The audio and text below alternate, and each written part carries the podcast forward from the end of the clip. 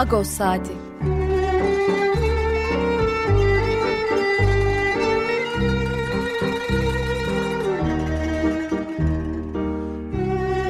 Haftalık Agos gazetesinin penceresinden Türkiye ve Dünya gündemi. Agos'un mutfağından haberler, söyleşiler, olaylar.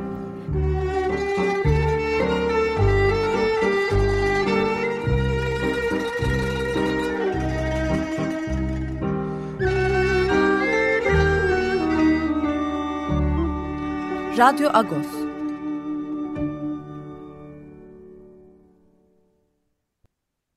Radyo Agos'tan günaydın. Parlıyız. Ben Yetvar Danzikyan. Yeni bir Radyo Agos'ta karşınızdayız. Bugün 28 Ekim. Ee, evet bu hafta e, bir şarkıyla girmedik e, Radyo Agos'a. E, bu hafta böyle icap etti öyle diyelim. Genelde hep bir şarkıyla gireriz. E, hemen akışa geçeyim. Birazdan e, Pakrates Sükkan'da haftalık olan sohbetimizi yapacağız.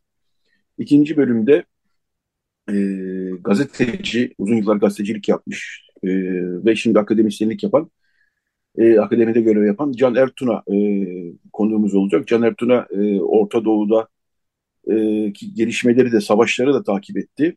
Onunla hem e, savaş gazeteciliğini konuşacağız hem de Orta Doğu'daki gelişmeleri konuşacağız. Son bölümde de e, Aras Yayıncılık'ın kurucularından e, Yetvar Tomasyan konuğumuz olacak. Aras Yayıncılık 30. yılını, yaşını kutluyor. E,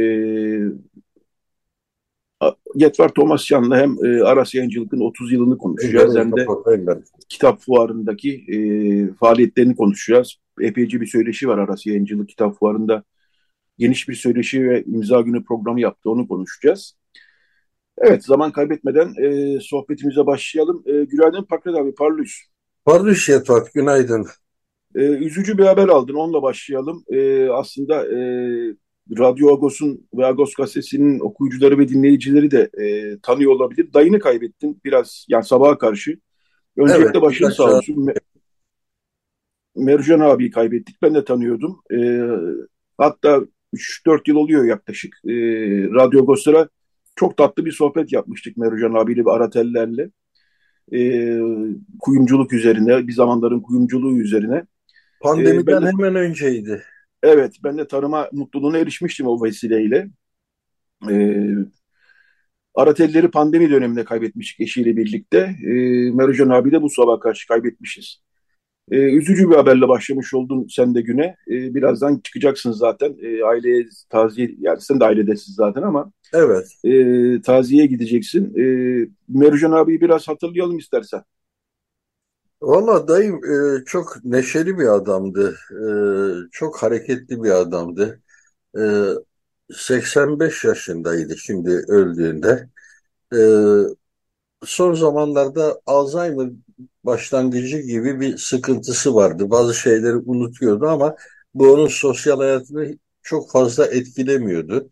Gene hep e, hareketliydi, hep ataktı.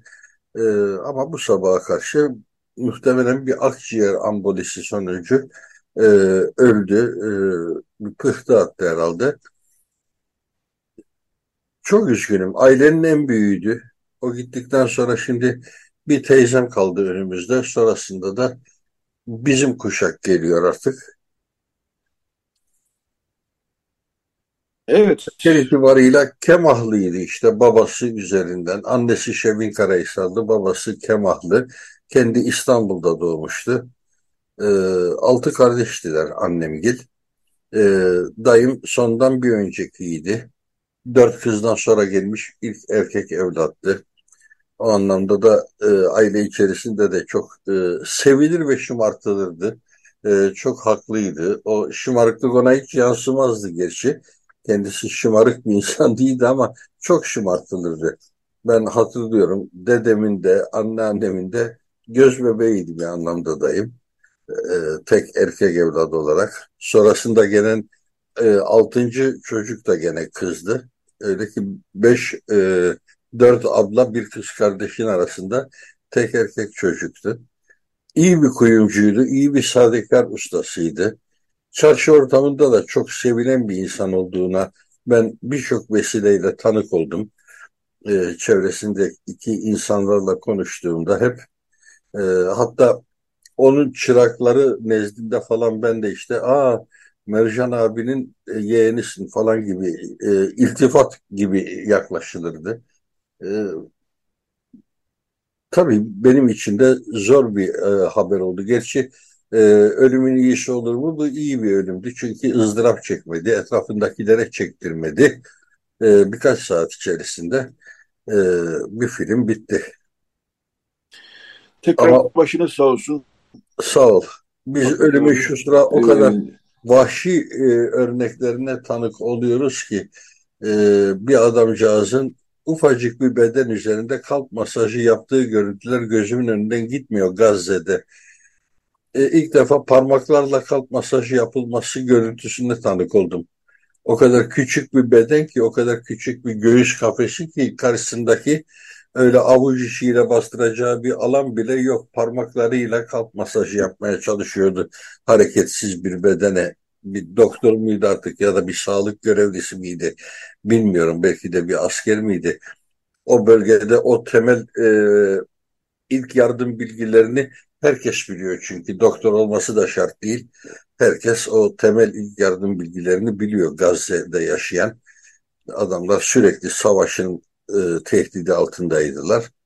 E, ölümün o kadar kahreden görüntülerine tanık oluyoruz ki dayımın ölümüyle ben teselliler çok buluyorum. O bizim için evet.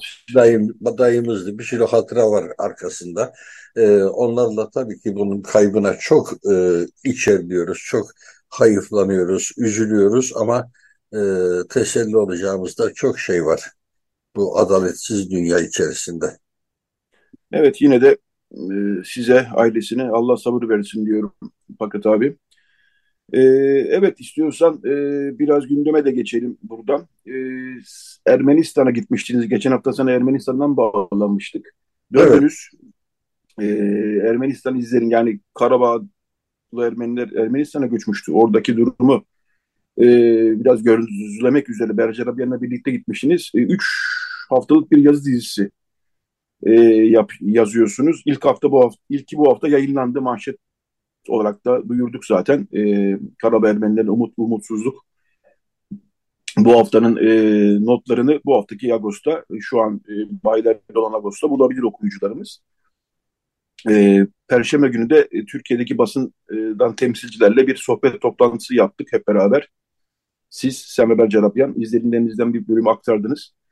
E, önümüzdeki hafta devam edecek. E, ondan sonraki haftada devam edecek. E, birkaç cümleyi de istiyorsan e, üzerinden geçelim bu konuda abi. E, şunları söyleyebilirim ki Yetvar biz orada e, 6 gün kaldık Ermenistan'da. Bu 6 gün zarfında 4 farklı şehir ziyaret ettik. Her bir şehirde e, etnik temizlik operasyonu sonucunda yerinden yurdundan edilmiş insanlarla karşılaştık. Her yaştan e, hem kadın hem erkek e, insanlarla sohbet etme imkanımız oldu. Yaklaşık olarak e, onların e, Karabağ'ı terk etmelerinin üzerinden bir ay kadar bir süre geçmişti. O bir ay e, biraz daha serin kanlı olabilmek için yeterliydi. O ilk şok atlatılmıştı. Şimdi hayata tutunma çabaları vardı insanların özellikle de e, bir evi olmayanların sığındıkları yerden kalıcı bir eve çıkma gayretleri kiracı olarak veya e, ev sahibi olarak her nasılsa oradan çıkma gayretlerine tanık olduk. Ortaklaştıkları en büyük sorun ilk etapta buydu. Ee, diğer sorunlar çünkü kısmen e, çözülmüştü. Kısmen önemli oranda çözülmüştü. Örneğin barınma sorunu çözülmüştü. Açıkta kalan kimse yoktu. Çadırda da kimse yoktu. Herkes binalarda yaşıyordu. Ama bu binalar yaşam alanları değiller. Ya bir anaokulunun e, salonu, sınıfı, ya bir sivil toplum örgütünün bir odası, e, ya bir otel odası. Buralar geçici barınma merkezleriydi. Geçici barınma e, yerleriydi. E, oradan e, ev diye kabul edecekleri bir yere geçiş süreci hepsinin öncelikli sorunuydu. Ee, çocuklar okulsuz kalmadılar. Bütün çocuklar bulundukları yerlerdeki bir okullara kayıt oldular ve oraya entegre olmaya çalışıyorlar. Ee, gıda sorunu yaşamıyorlar. Gıda sorunu e, çok sistematik bir şekilde organize olmuş.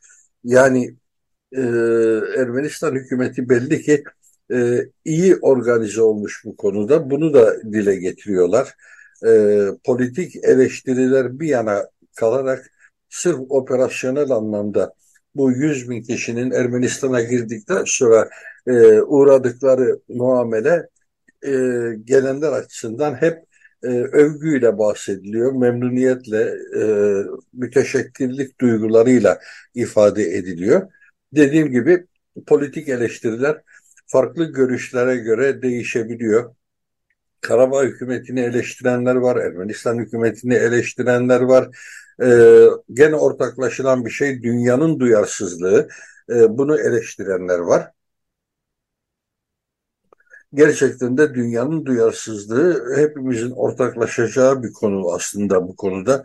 E, çünkü Birleşmiş Milletler şu bu hiçbiri e, kelimenin gerçek anlamıyla Karabağ Ermenilerini kayele alarak elini taşın altına sokmadı. Herkes farklı dengeler gözetti. Herkes Azerbaycan'a ve özellikle onun sahip olduğu petrol kaynaklarına göre hesaplarını yaptı, cümlelerini kurdu. Ee, buna çok dikkat edildi, çok imtina edildi. Ee, şüphesiz ki çok önemli kırılma noktalarından birisi e, Ermeni halkının güvenliği anlamında bir garantör gibi görülen Rusya'nın e, bu konuda tavır değiştirmesi ve Ermeni halkına sırtını dönmesi çok e, büyük bir travma yarattı, çok büyük bir şok yarattı. Bu hiç kimsenin beklemediği bir şeydi e, aslında gayet doğal olan bir şeydi. Biz bunu yazılarımızda hep e, söylüyoruz. Devletlerle dostluk olmaz, devletlerle çıkar birliği olur. Devletler arasında çıkar birliği olur sadece. Her şey alacak, verecek şeylerin dengesine bağlıdır. Belli ki Türkiye'nin, e, Ermenistan'ın e, diğer devletlerle ilişkilerinde verecekleri çok önemli değildi ama Azerbaycan'ın verecekleri önemliydi. Doğal gaz, petrol bunun en başat faktörleri. Nitekim Azerbaycan bugün e, kendi politik değerinin çok üzerinde bir ağırlığa sahip oldu. Türkiye'de de öyle bir ağırlığa sahip oldu. Belli ki bu ağırlık Avrupa Birliği, Amerika Birleşik Devletleri nezdinde de Rusya nezdinde de geçerliliğini koruyor. E, o yüzden de tarih 2023 yılında böyle tecelli etti. Ermeniler binlerce yıldır yaşadıkları Karabağ'ı terk etmek zorunda kaldılar. E, o günlerde duyduğumuz duyumlara göre e, Karabağ'da 40 kadar Ermeninin kaldığından bahsediliyor. E, bunlar niye kaldılar o da çok net değil. E, ama 100 binin üzerinde insanın göç ettiği yerde 40 kişinin kalması normaldir. E, nerede 100 bin kişi bir yere giderse e, 50 kişi, 100 kişi, 200 kişi ben gelmiyorum diyebilir. Bunun için bir sürü kişisel nedeni olabilir insanların. E, ne bileyim bahçedeki meyveleri toplayayım sonra geleceğim de diyebilirler insanlar. O meyveleri götürecek olmasalar bile. Evet. Bir e, hikayesi vardır biliyorsun.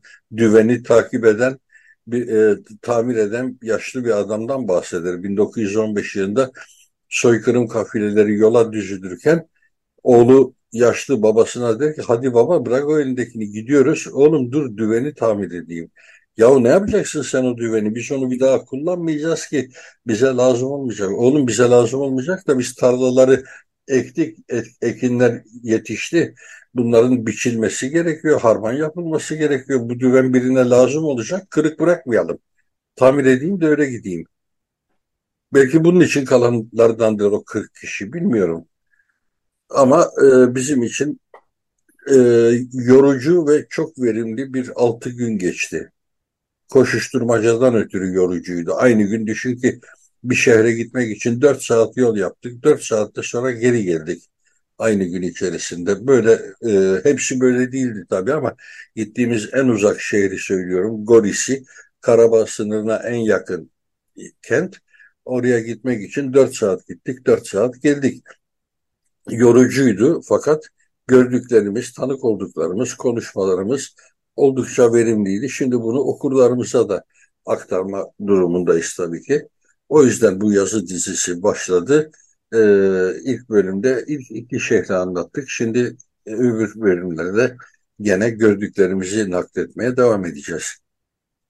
Evet, e, bu haftaki e, yazıda çok vurucu pasajlar vardı. Bir tanesi de e, göçerken e, yani araba konvoyu ağır ağır ilerlerken, ilerlerken 7 yaşındaki bir çocuğun e, her durdukları yerde inip bir taşın üstüne ben burada yaşadım e, yazması. Hakikaten çok etkileyici pasajlar var gördüklerimiz arasında. E, bu haftaki e, bölümü okullarımıza tavsiye ediyoruz. Yani Ağustos'u her zaman tavsiye ediyoruz da bu hafta başladık. E, Karabağlı Ermenilerin Ermenistan'a sığması sonrasındaki oluşan atmosferden izlenimler. Berce Rabya'nın fotoğrafları tabii ki ve senin izlenimlerin. Fakat abi bir, e, şu, bu bölümde istiyorsan şeyi konuşalım. Yarın 29 Ekim Cumhuriyet'in 100. kuruluş yıl dönümü. E, genel bir e, Cumhuriyeti benimseyen e, kesimlerde, Cumhuriyetçi fikriyatı benimseyen kesimlerde genel bir tabii memnuniyetsizlik var. Çünkü e, niye düzgün bir şekilde kutlamıyoruz? 100 yıl bir kere gelir e, diyorlar. Hükümetin gerekçesi işte Gazze'de savaş var. Evet tabii Gazze'de savaş olması e, önemli ve orada tabii ki çok şen şakak belki e, şeyler yapılmaz ama yine de 100. yıl hakkıyla kutlanmalıydı diyorlar. Kendi açılarından haklılar bir taraftan. Bir taraftan da tabii yüz, e, genel olarak baktığımız zaman da yani etkinliklere de baktığımız zaman da çok doyurucu bir yüz yıl e, anması, değerlendirmesi de göremiyorum ben çok. Yani işte filmlerde hep aynı şeyler söyleniyor. E, Kurtuluş Savaşı'na vurgu yapılıyor. İşte e, ilk yıllardaki bilim teknoloji atılımlarına vurgu yapılıyor. E, bunun dışında bir cumhuriyet e, fikriyatının nasıl geliştiği, demokrasiyle iç içe geçip geçmediği, geçmediyse niye geçmediği, e, eşitlik bilhassa azınlıklar açısından tabii biz bunu önemsiyoruz. Niye o bir türlü başarılamadı pek konuşulmuyor. E, neler dersin Akbar? Şunu derim abi, e, ben yaşım itibarıyla 20 yaşındaydım. Cumhuriyet'in 50. yıl dönümü kutlanırken.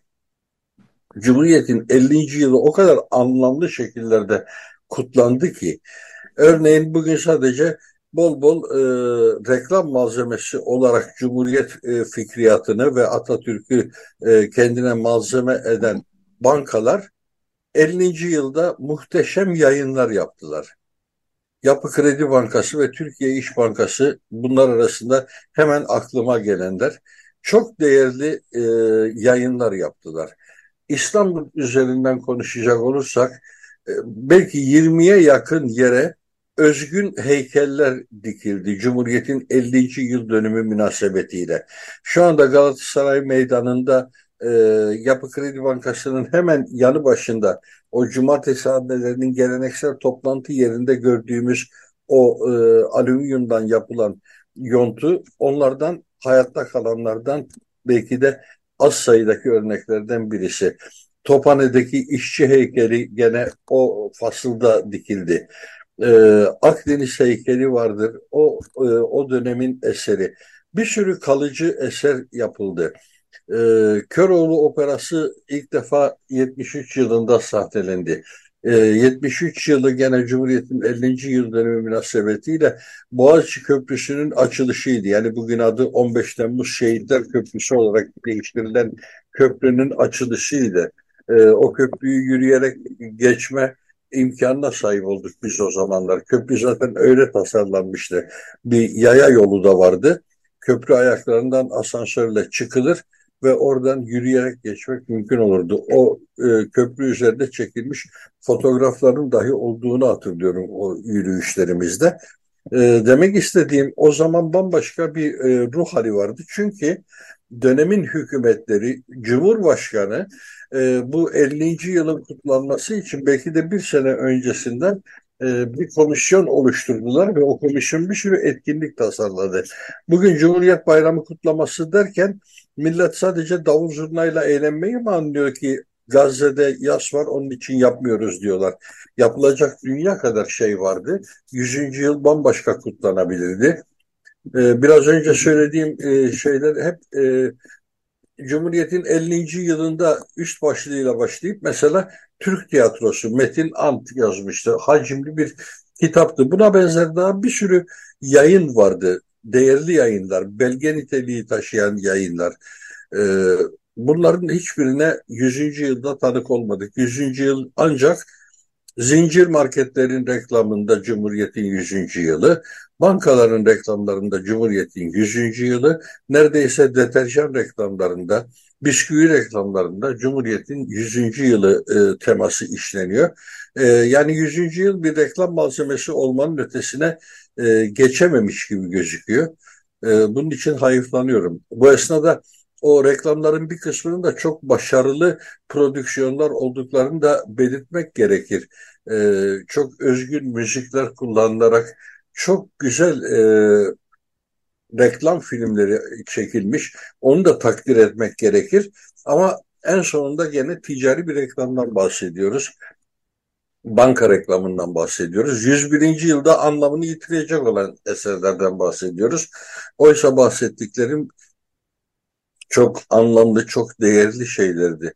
O Köroğlu Operası'nı hatırlıyorum. Azerbaycanlı ünlü orkestra şefi Niyazi Takızade Türkiye'ye davet edilmişti. O 50. yıl boyunca adamcağız Türkiye'de çalıştı. Ee, İstanbul Devlet Operası'nda büyük bir popülariteye sahip oldu. Çok sevilen bir insan oldu. Kendi yapısı itibarıyla da. Ee, Niyazi Takızade dediğim insan dünyadaki en iyi Çaykovski yorumcusu olarak değerlendirildi o yıllarda orkestra şefi olarak.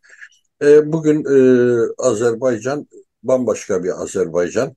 O zaman bahsettiğim yıllarda bir Sovyet Azerbaycan'ı vardı. Onun özgün kültürü vardı. E, varlığını nefret söylemi üzerine kurmamış olan bir Azerbaycan'dan bahsediyorum. Bugün bütün bunlardan ne yazık ki e, çok uzağız. Türkiye Ermeni cemaati de o 50. yıla e, katkılar getirmişti. Sonrasında aynı şeyin 75. yıl kutlamalarında da Ermeni cemaat tarafından gerçekleştirildiğini hatırlıyorum. E, bu sene 100. yılda Ermeni cemaatinden de özel bir gayret görmedik Cumhuriyet'in. E, çünkü sonuçta Ermeni olalım, Rum olalım, Yahudi olalım, e, hepimiz bu memlekete vatandaşlık bağıyla bağlı insanlarız ve Cumhuriyet kavramının bizim için de bir anlamı olması gerekir. E, bunu söylerken her şeyin güllük gülistanlık olmadığını anlatabilecek bir mecradır da zaten. E, biz şimdi Cumhuriyet diyoruz sürekli 100. yıl diyoruz. Benim aklıma bu sıralarda, bu haftalarda, bu e, günlerde sıklıkla Sevan Dışanyan'ın Yanlış Cumhuriyet kitabı geliyor. Onun üzerinden de konuşabileceğimiz bir mecraydı. Ama genel bir dolduruş havası içerisinde sanki de Cumhuriyeti dünyada ilk biz keşfetmişiz gibi bir hava, bir yönetim şekli itibariyle böyle bir havayla sunuluyor Cumhuriyet. E, çünkü orada da bir Türkiye'nin e, içine düştüğü kutuplaşma sonucunda e, bir taraf ne kadar görmezden gelir, gelirse öbür tarafında o kadar özür dilerim abartma şansı, abartma imkanı oluyor ya da şartlar öyle getiriyor. Ee, orada da bir tuhaf güzellemeler. Buradaki yanlışlıkları da bir konuşalım. Bu memlekette e, parlamenter sistem dedik Cumhuriyet'le birlikte. Üç defa ordu eliyle kesintiye uğradı. Ama Sez, e, Sezgin Tanrıkulu bunu dile getirdiği anda da vay şanlı ordumuza hakaret ettin diyerek soruşturma açılıyor. Adamın söylediği bir gerçeklikti oysa ki. Gerçekten de e, bu orduyu bu kadar da e, güzelleme yapmayın. Üç defa e, rejimi kesintiye uğrattı, parlamenter sistemi kesintiye uğrattı, meclisi feshetti dediği anda kıyamet koptu Sezgin Tanrıkulu'na karşı. Kendi partisi de üstelik o kıyamete göğüs geremedi. Tam tersine o da o genel koroya uyum sağlamaya çalıştı. E, bunları konuşacaklar bir mecraydı 100. yıl. Biz bunların hiçbirini yapmıyoruz. Bir tarafta kulağının üstüne yatmak, görmezden gelmek e, gibi bir temayül varken öbür tarafta da bunun tam tersine müthiş bir güzelleme hakim. Oysa e, bambaşka bir atmosfer oluşturulabilirdi. E, üzerinde düşünülmesi gereken sözler sarf edilebilirdi. Şu anda öyle sözler ne yazık ki yok. Sabun köpüğü gibi bir ortam var. E, bugün şimdi birkaç saat sonra e, Yeşilköy'de bir e, Cumhuriyet'in 100. yılı mitingi yapılacak ama o miting çok belli ki şimdiden zaten bir Filistin mitingi aslında. Zaten başından da öyleydi. Tarih olarak da 28 Ekim'e denk getirildi. Bütün dikkatler oraya yönlendirilecek.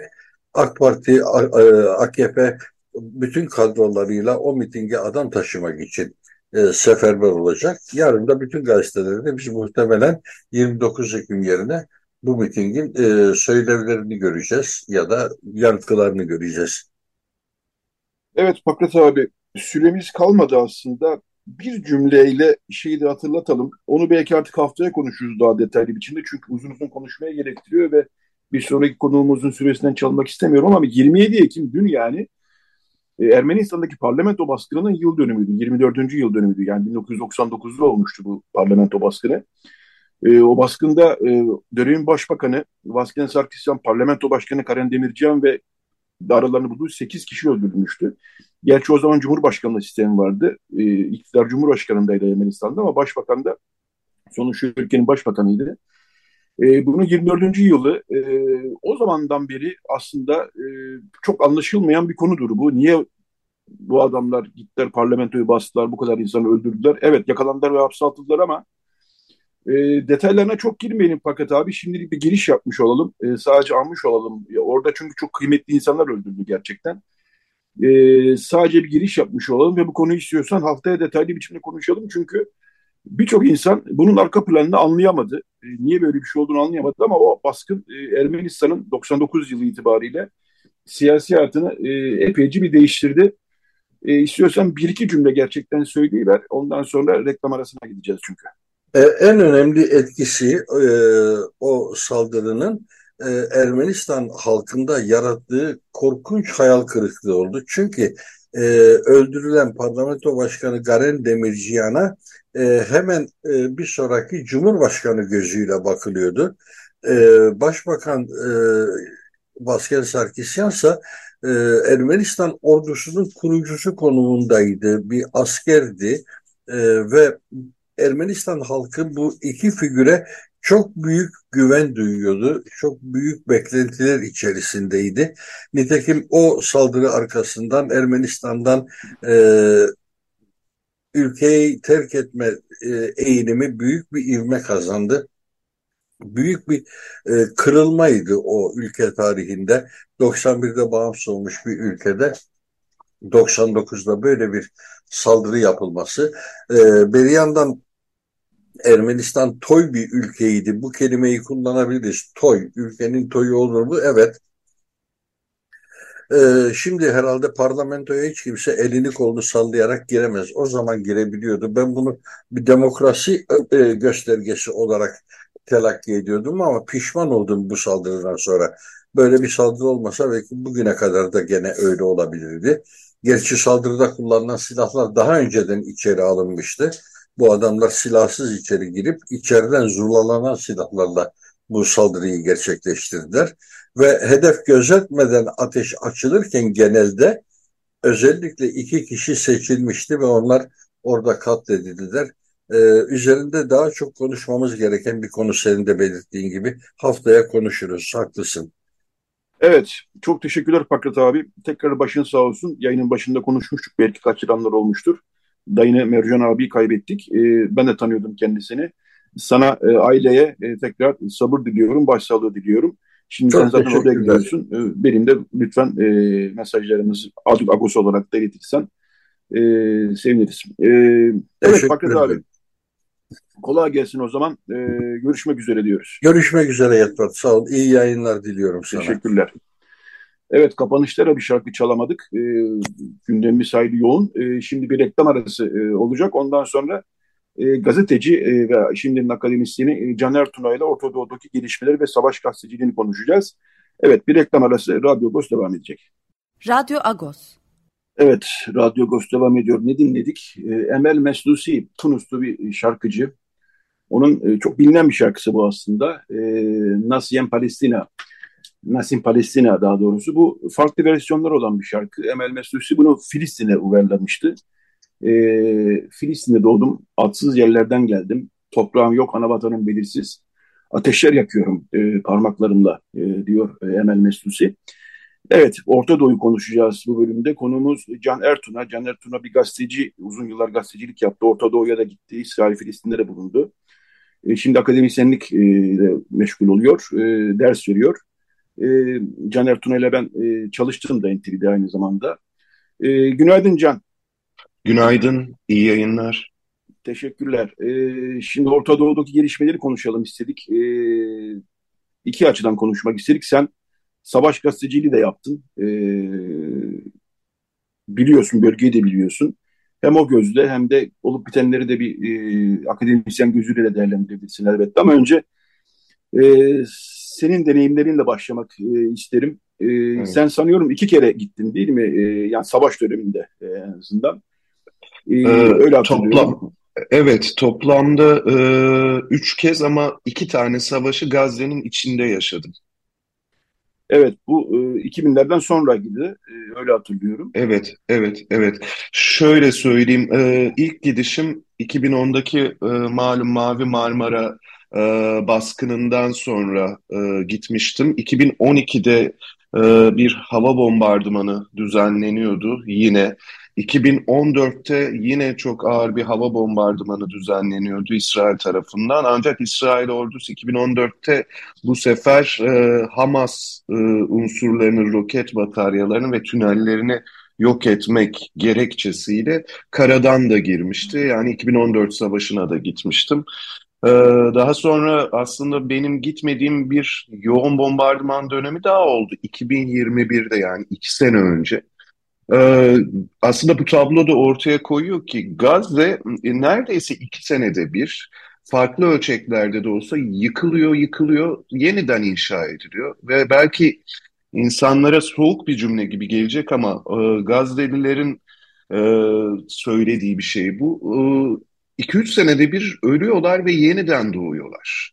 Yani orada artık bu kanlı e, savaş, bu şiddet sarmalı e, neredeyse bir kuşağın hayatında 3-4 kez tanık oldu. Eğer e, yaşınız biraz ileriyse belki daha fazla 1947'den 48'den beri durmaksızın farklı ölçeklerde, farklı şekillerde, farklı türlerde karşınıza çıkan bir e, sonsuz şiddet sarmalı var. Dolayısıyla e, Gazze'lilerin ölüme, şiddete karşı yaklaşımı e, bununla karşılaşmayan insanlardan veya işte Türkiye'de yaşayan insanlar ki bu sıklıkta karşılaşmıyor çoğu insan. Bu yoğunlukta karşılaşmıyor. Biraz daha farklı. Orada bambaşka bir e, hayata bakış veya aileler e, kuşaktan kuşağa aktardığı bambaşka bir e, direnç söz konusu. Tabii böyle olmalı mıydı? Bu da konuşulur. Olmamalıydı elbette çünkü çok ağır bir yani bu sonuncusu e, ben de bir hani e, gazeteci olarak e, uzaktan da olsa takip ediyorum. Bu sonuncusu hayli ağır. E, yani artık e, bir halkı neredeyse yok etmek niyeti gibi bir şey e, söz konusu burada. Evet. E, şunu sorayım ilk önce. E, savaş gazeteciliği orada hiç kolay bir şey değil. E, herhalde önce İsrail'e gidiyorsunuz değil mi Gazze'ye geçmek için? Bir teknik bir iki bir şey e, yani dinleyicilerimiz de anlasınlar diye şey yapıyorum. E, Aslında bir, söylüyorum tabii. Bir gazetecinin e, Gazze seyahat hikayesi Gazze'lerin hikayesini anlatıyor dolaylı yoldan. O yüzden önemli, doğru söylüyorsunuz. Öncelikle e, Filistin topraklarının Batı Şeria ya da e, Gazze'ye varabilmek için bir kere İsrail'e gitmeniz lazım. İsrail'de e, Kudüs'te başbakanlıktan bir akreditasyon kartı almanız lazım. Sonra İsrail'in güneyine yani Gazze'nin kuzeyine seyahat ediyorsunuz. Ee, dünyada benim gördüğüm, e, eminim de eşine çok rastlanmayan e, yüksek güvenlikte bir sınır kapısı var orada. Eres sınır kapısı diye. Neden eşine pek rastlanmayan diyorum. Tam anlamıyla benim gittiğim dönemlerde insansızlaştırılmıştı. Yani ee, bir otomatik kapıdan geçiyorsunuz. Bir e, hoparlör size üstünüzdekileri çıkarmanızı söylüyor. O sırada kamerayla izliyorlar. O, oradan direktif veriyorlar. Dolayısıyla öyle bir terör algısı ya da e, temastan kaçınma vardı ki ancak tam anlamıyla e, üstünüzdeki her şeyi çıkarıp X-ray'e koyup X-ray'de tarandıktan sonra ilk insanla o da kurşun geçirmez cam arkasından karşılaşabiliyordunuz. Sonrasında bir şekilde Gazze'ye giriyorsunuz ve Gazze ile İsrail arasında bir kilometreye yakın bir insansız bölge var. Burada bir kafesin içinden yürüyerek geçiyorsunuz. Yani üç tarafınız tellerle çevrili. Tapa, te, te, tepenizde bir kafes var. Yani o kafesin dışından yürüyerek e, elinizi kolunuzu sallayarak girebildiğiniz bir yer değil. Ve işin enteresan tarafı, e, dramatik tarafı da bu zorlu ve yer yer insanı e, aşağılanmış hisseden yolculuğu dahi e, çoğu Gazze'li yapamıyor. Ancak örneğin İsrail'in Gazze'yi terk etmesi izin verdiği barış zamanından bahsediyorum. Çok çok sınırlı sayıda, sayısı binlerle ölçülen işçi olarak kabul ettikleri bir grup vardı. 2 milyon 200 bin kişiden bahsediyoruz. Sayısı binlerle ölçülüyordur. Ve bu da ancak barış zamanı olabiliyor. Ee, bu şekilde girebiliyorsunuz Gazze'ye. Yani bir cezaevi girişinden farksız.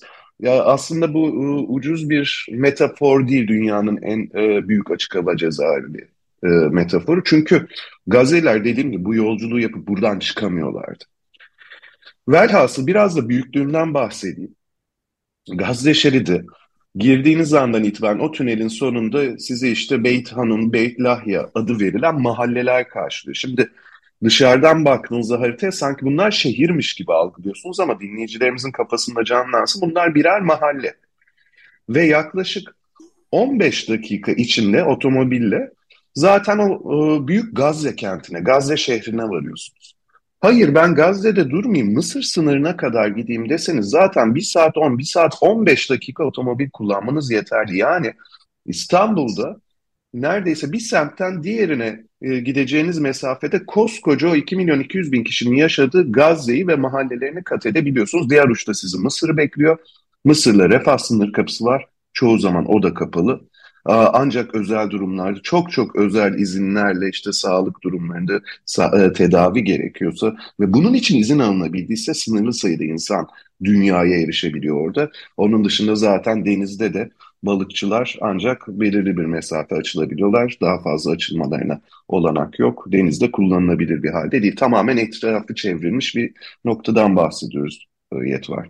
Peki Şimdi değil tabii de o zamanlar e, yani savaş olmadığı zamanlarda Gazze'de günlük hayat nasıl geçiyor? Yani insanlar ne iş yapıyorlar? Nasıl bir şey e, hı hı. evlerine ekmek götürüyorlar? Ne üretiliyor orada? Yani gıda hı hı. üretiliyor muydu? Yani ekmek herhalde üretiliyordur elbette ama onun dışında yani 2 milyon insan ne yapıyordu orada?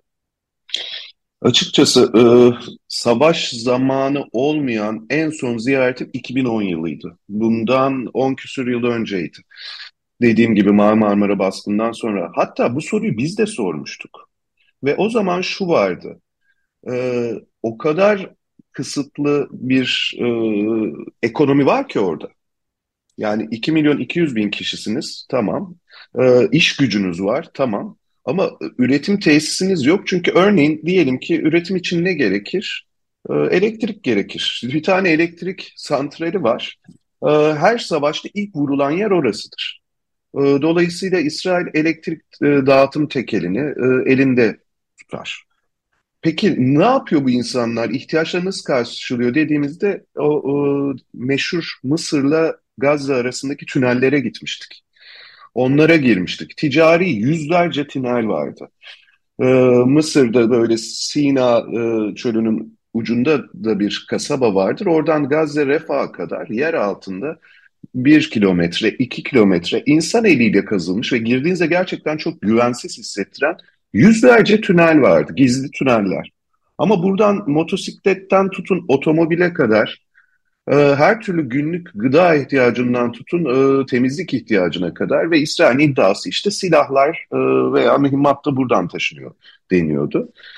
Sonrasında şöyle bir süreç oldu. Mısır'la İsrail işbirliği içinde zaten bu gibi konularda Mısır bu tünelleri su bastı kimi zaman, yerin altına duvarını uzattı ee, ve bir sistematik kapatma çabasına girdi. O sırada biraz daha Katar ve e, bölge ülkelerinin desteğini talep de ediyor aslında İsrail. Yani oranın yaşayan bir entite olarak kalmasını ama bunun belirli limitler, sınırlar dahilinde olmasını öngörüyor gibi adeta.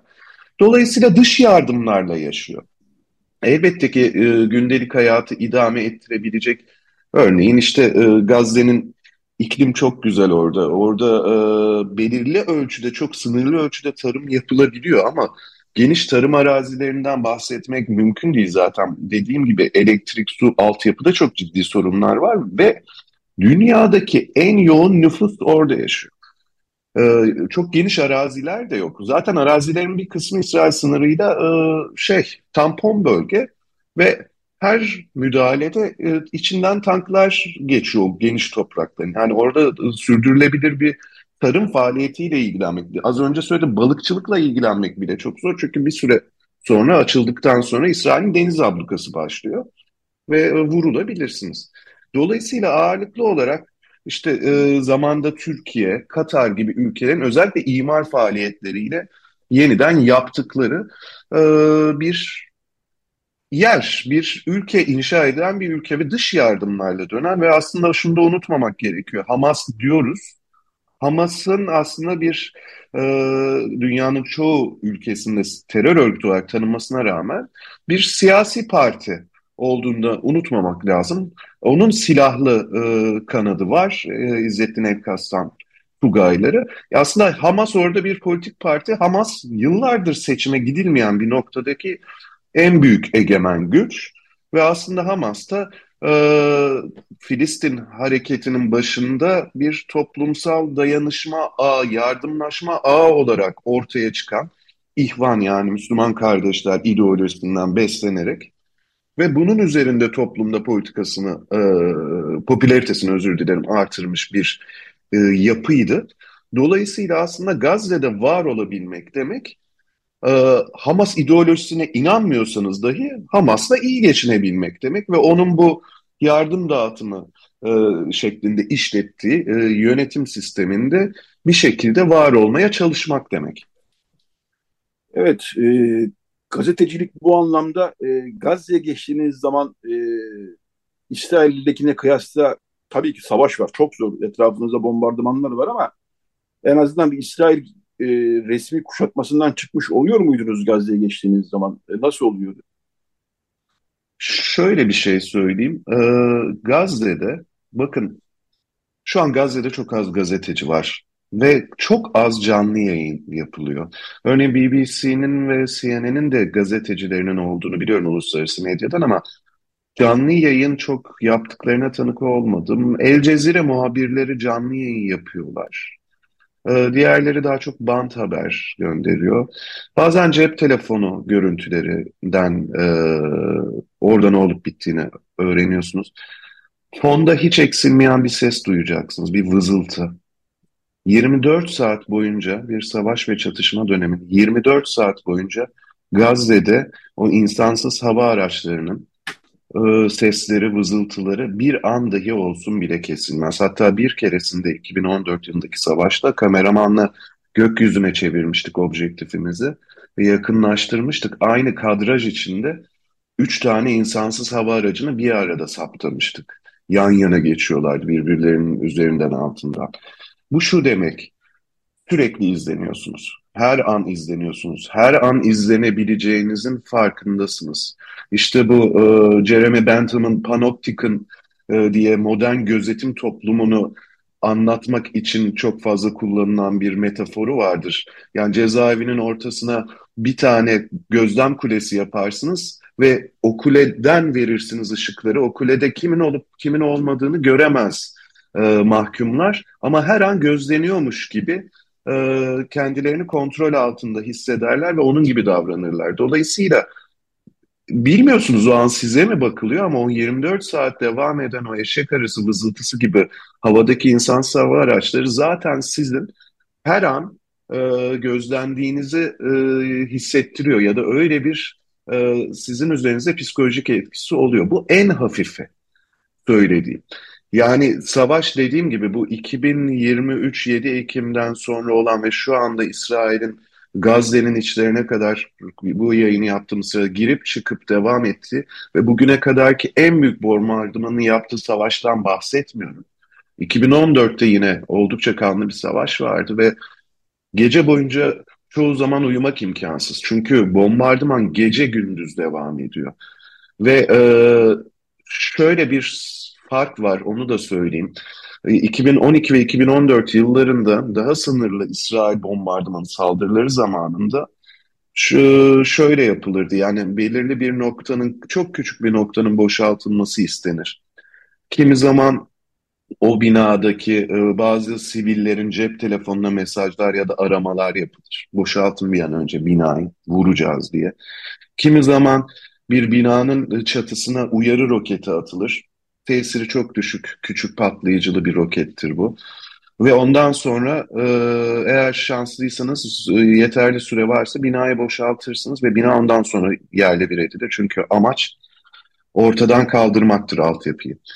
Fakat bu sefer benim gördüğüm, duyduğum Gazze içindekilerle konuştum. E, artık hiç kimse uyarılmıyor. Yani birdenbire tepenize 250 kiloluk bir bomba düşüveriyor ve Bülent Batuman'ın çok güzel bir yazısı vardı gazete duvarda okumalarını öneririm dinleyicilerin. Ee, kentle kırım aşamasına geçirdi. Yani bu kentsel kırım değildir artık. Bu ur urbanicide değildir. Bir kent yok edilmiyor.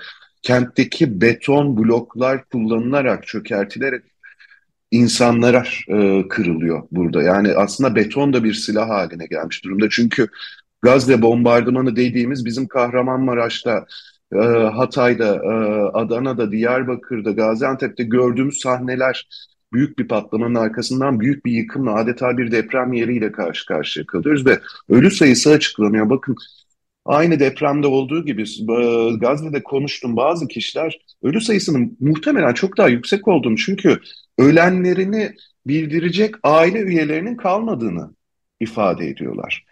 Ve enkaz altında kalmış depremde bakın günler sonra, aylar sonra hala biz e, cansız bedenleri çıkartıyorduk. Enkaz altında kalmış çok çok sayıda insanın olduğu da söyleniyor.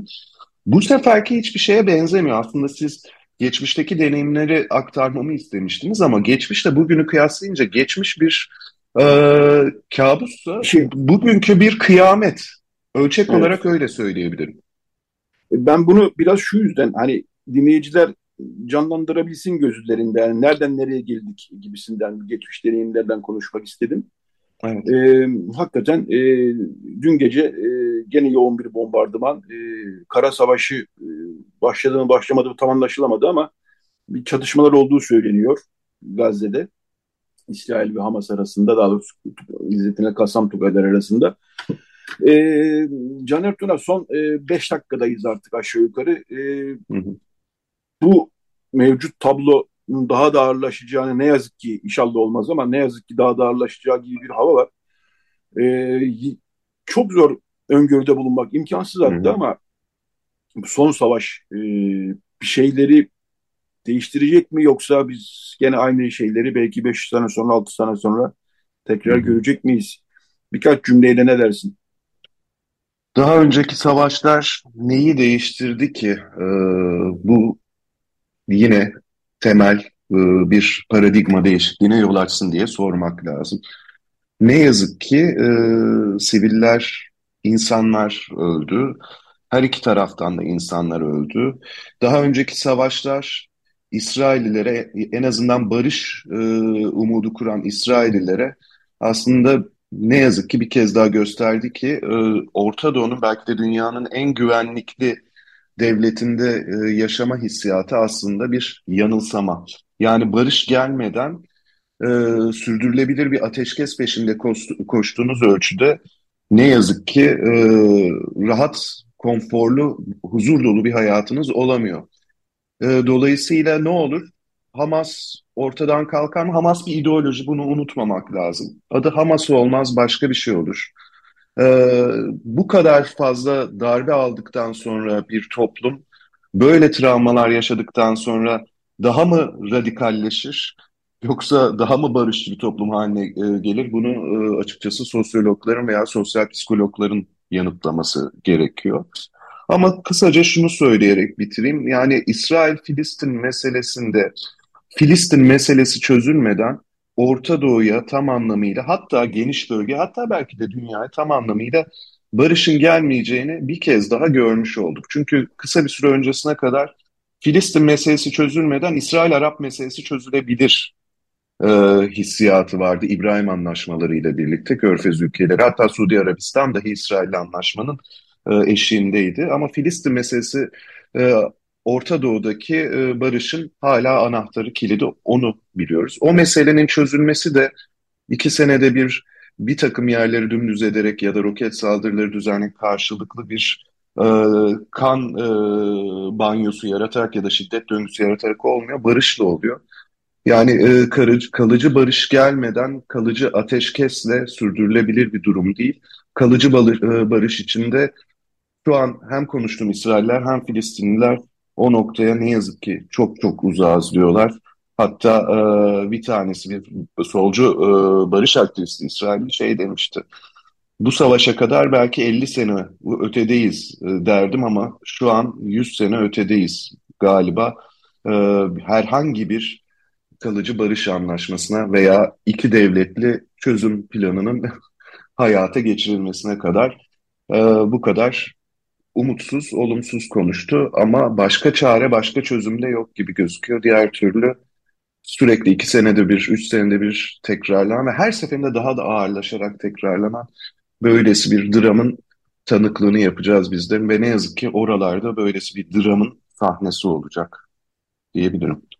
Evet, e, Can Ertuğ'a çok teşekkürler. E, yani bu savaş kimseye bir zafer getirmeyecek. Benim de düşüncem bu. E,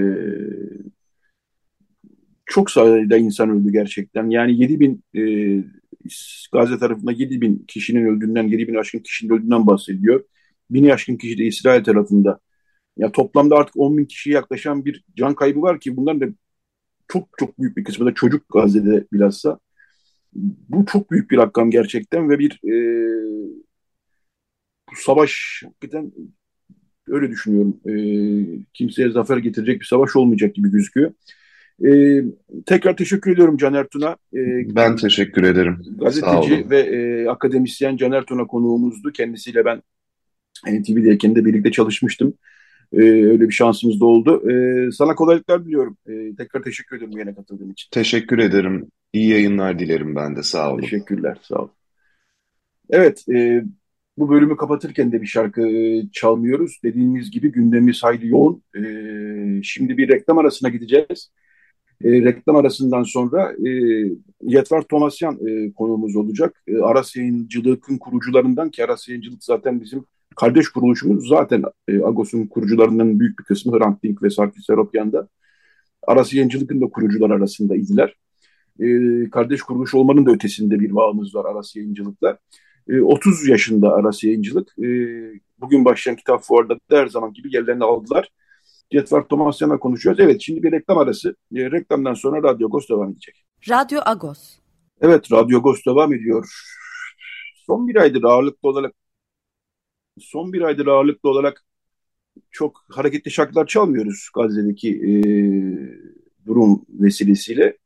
E, fakat e, bu bölümde biraz hareketlenelim istedik. Çünkü Aras Yayıncılık'ın 30. E, yaşı çok kıymetli bir yayın evi gerçekten. E, Agos'tan önce kuruldu. Agos'un doğumuna da aslında vesile oldu e, Aras Yayıncılık.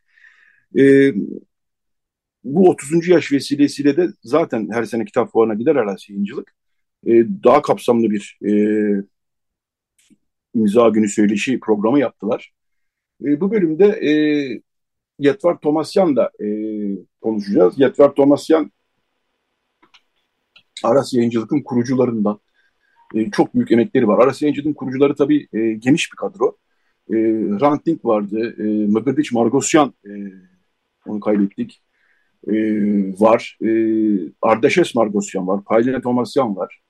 E, böyle geniş bir kadro e, uzunca bir süre e, Robert Koptaş, eski yayın yönetmenimiz Robert Koptaş orada yayın yönetmenliği yaptı. Şimdi Nesrin Uçarlar yayın yönetmenliğini yürütüyor. E, dolayısıyla konuşalım dedik. E, Getvart Thomasyan hatta mı acaba? Evet hattayım adaşım. Ya, merhaba Akbarik nasılsın adaşım Akbarik? Ee, teşekkür ederim. Sen nasılsın? İyi misin? İyiyim sağ ol. Ee, sen de e, telefon bağlantısı yapmak hiç olmazsa bir sesini duyalım istedik telefon bağlantısıyla da olsa. İyiyiz Akbarik çalışıyoruz. Ee, davet ettiğin için çok teşekkür ederim. Ne demek biz teşekkür ederiz.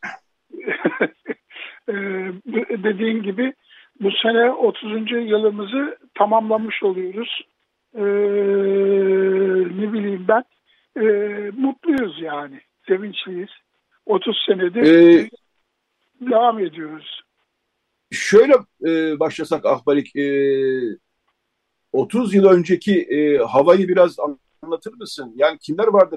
Nasıl şey yaptınız? Başladınız bu işe?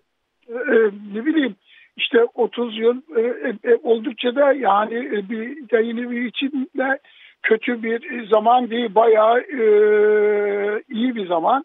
E, epeyce vakit geçti yani. Senin de bahsettiğin gibi e, Magırdiç e, en büyüğümüz yaş itibariyle sayacak olursak en büyüğümüz Magırdiç Margosyan. E, sonra işte ben geliyorum Ardaşes Margosyan ve e, en küçük ünümüz de Hrant Dink. E, biz e, zaten hepimiz e, Tıbrabank okulundan e, mezunuz malumunuz. E, birbirimizi e, hepimiz birbirimizi çok iyi tanıyorduk. E, içimizde en profesyoneli e, şey Ardaşes Margosyan'dı. Yani üniversite e, vaktinde ve üniversite bitirdikten sonra yayın dünyasında e, çalışıyordu. Mıgırdiç Margosyan e, Marmara Gazetesi'nde e, öyküleri yayınlanıyordu. Yani daha o tabii daha da önceleri yayınlanıyordu. O Marmara Gazetesi'nin e, kültür e, edebiyat sayfası vardı. O sayfalarda öyküleri yayınlanıyordu. E, ben de e, Marmara Gazetesi'nde, Ermenice Marmara Gazetesi'nde gönüllü olarak e, çalışıyorduk. E, şimdi burada rahmetle analım e, Torkom Beşiktaşlıyan e, abimiz, e, o da bir Tıbravanklı. Ondan beraber e, Marmara Gazetesi e, gazetenin e, boş kalan zamanlarında e, Robert Bey'in, Robert Hakkeciyan'ın e, romanlarını, makalelerini kitap haline getiriyordu. Yani kitap yayıncılığı da vardı. E, biz de ona eklendik ve e, Margosya'nın e, Meral Govmer'ini e, kitabına bastık. Sonra e, Vahram Burmayan'ın e, Tıbravank e, şey Tıbros İr Hokerov e, kitabını e, bastık. E, bu meyanda e, Hrant da şeyde Marmara Gazetesi'nde Çutak adında Çutak Ermenice keman demek. E, şey köşe yazıları köşe yazıları yayınlıyordu. O zamanlar e, e, bu 90'lı yılların e, başı diyelim e, belge yayınları e, Ermeni e, kültürüyle ilintili kitaplar yayınlıyordu. Marinostro'nun dizisi vardı, diğer farklı kültürlerden çeviriler yapıyordu. O kitapları Ermenice olarak e, tanıtıyordu. E, e, yani hepimiz e, Paylin e, Marmara Gazetesi'nde her cuma çocuk sayfası hazırlıyordu. Bir biçiminden alo Duyuyorum ben, alo? dinliyorum abi. O kadar güzel anlatıyorsun ki. Sesim geliyor mu? Evet evet. Buyurun. Ha, e, Paylin'de çocuk sayfası Marmara Gazetesi'nde biz hepimiz diyelim e, gönüllü olarak çalışıyorduk. Böyle yani biz e, yayın evini kurmadan evvelde yayın dünyasının bir biçiminde e, bir biçimiyle gönüllü olarak içindeydik. Ya, e, onu demek istiyordum. Ve e, Bebekus yayınları e, Bebekus yayınlarından e, Hikmet Akarsu bir genç bir arkadaş Mıgırdiç Margosyan'ın e, bir öyküsünü çevirmiş ona vermiş. O da çok hoşuna gitmiş. Mıgırdiç Margosyan'la tanışmak istemiş ve Mıgırdiç Margosyan'a e, bu öykülerin çevrilip Ermenice öykülerin Merak Kohme kitabının e, öykülerinin çevrilip basılmasını, basmasını teklif etmiş. Magariç Margosyan da ya demiş çeviriye gerek yok. Ben e, çünkü Diyarbakır'ı anlatıyor. Ermenice Diyarbakır lehçesi yanı sıra Diyarbakır'ın bir de Türkçesinin de lehçesi var. Yani çeviri yapacak olan arkadaşın o tadı veremeyeceğini düşünerek ben yazayım demiş. Ve Margosyan başladı başlamış öykülerini, başladı öykülerini Türkçe yazma ve Gavur Mahallesi kitabı e, Bebekus yayınlarından çıktı böylece. O da çok ilgi gördü. E, baktık eh hepimizde bir yayın e, heyecanı da var. Bir yayın evi kuralım. Biz e, bu yaşadığımız e, topluma e, kim olduğumuzu, ne yaptığımızı, ne ettiğimizi, kültürümüzün ne olduğunu tanıtmak, tanıtmak da istedik. Tabii o günlerde e, her e, o günlerde değil bugün de dün de e, yani 100 yıllık e, 100 Cumhuriyet döneminde de e, Ermeni kelimesi hep e, hakaret ve küfür anlamında kullanıldı. Ya, e, tukaka e, bir kelime olarak e, hatta e, e, siyasiler son zamanda siyasiler e, birbirlerinin hasımlarını birbirlerini e, zor durumda bırakmak için e, e, Ermeni kelimesini ben şimdi burada e, o kötü kelimeleri söylemek istemiyorum hakaret ve e, küfür anlamında kullanıyorlardı. E, o da e, yani Ermeni toplumu bir e, sıkışıklık, sıkışmışlık içindeydi, çaresizlik içindeydi.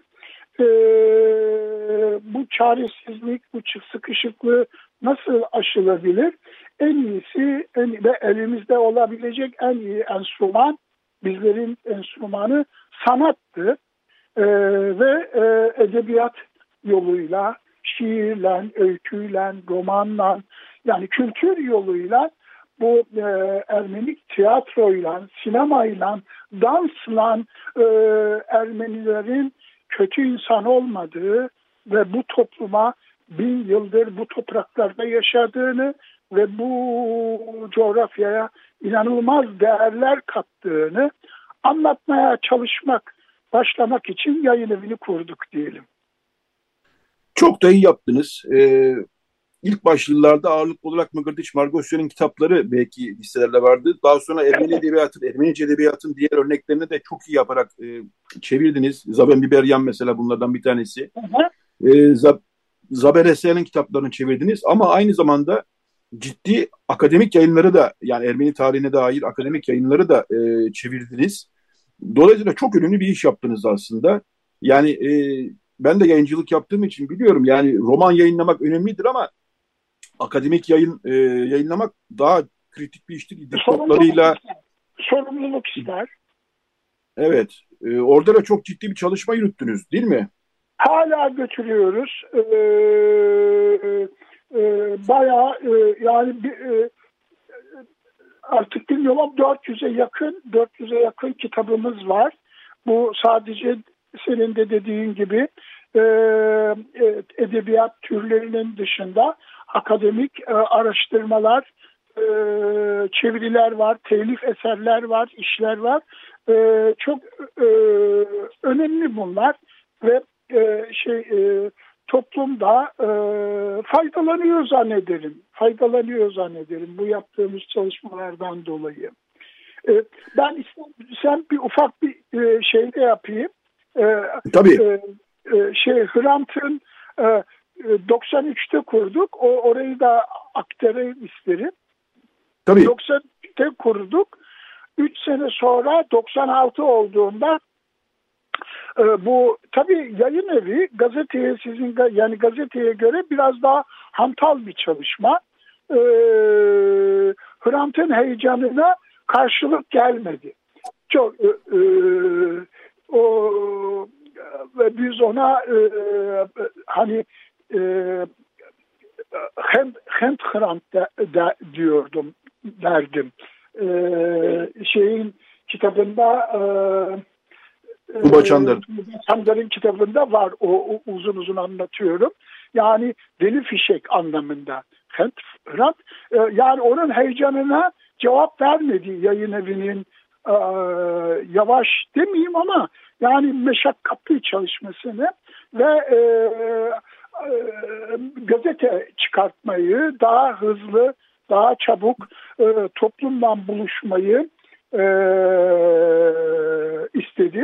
Ve e, 96'da e, müsaade edin ben gideyim dedi. O Anadolu insanın e, e, e, büyüklerine saygı ve sevgisini ifadeyle e, ve gitti Agos'u kurdu.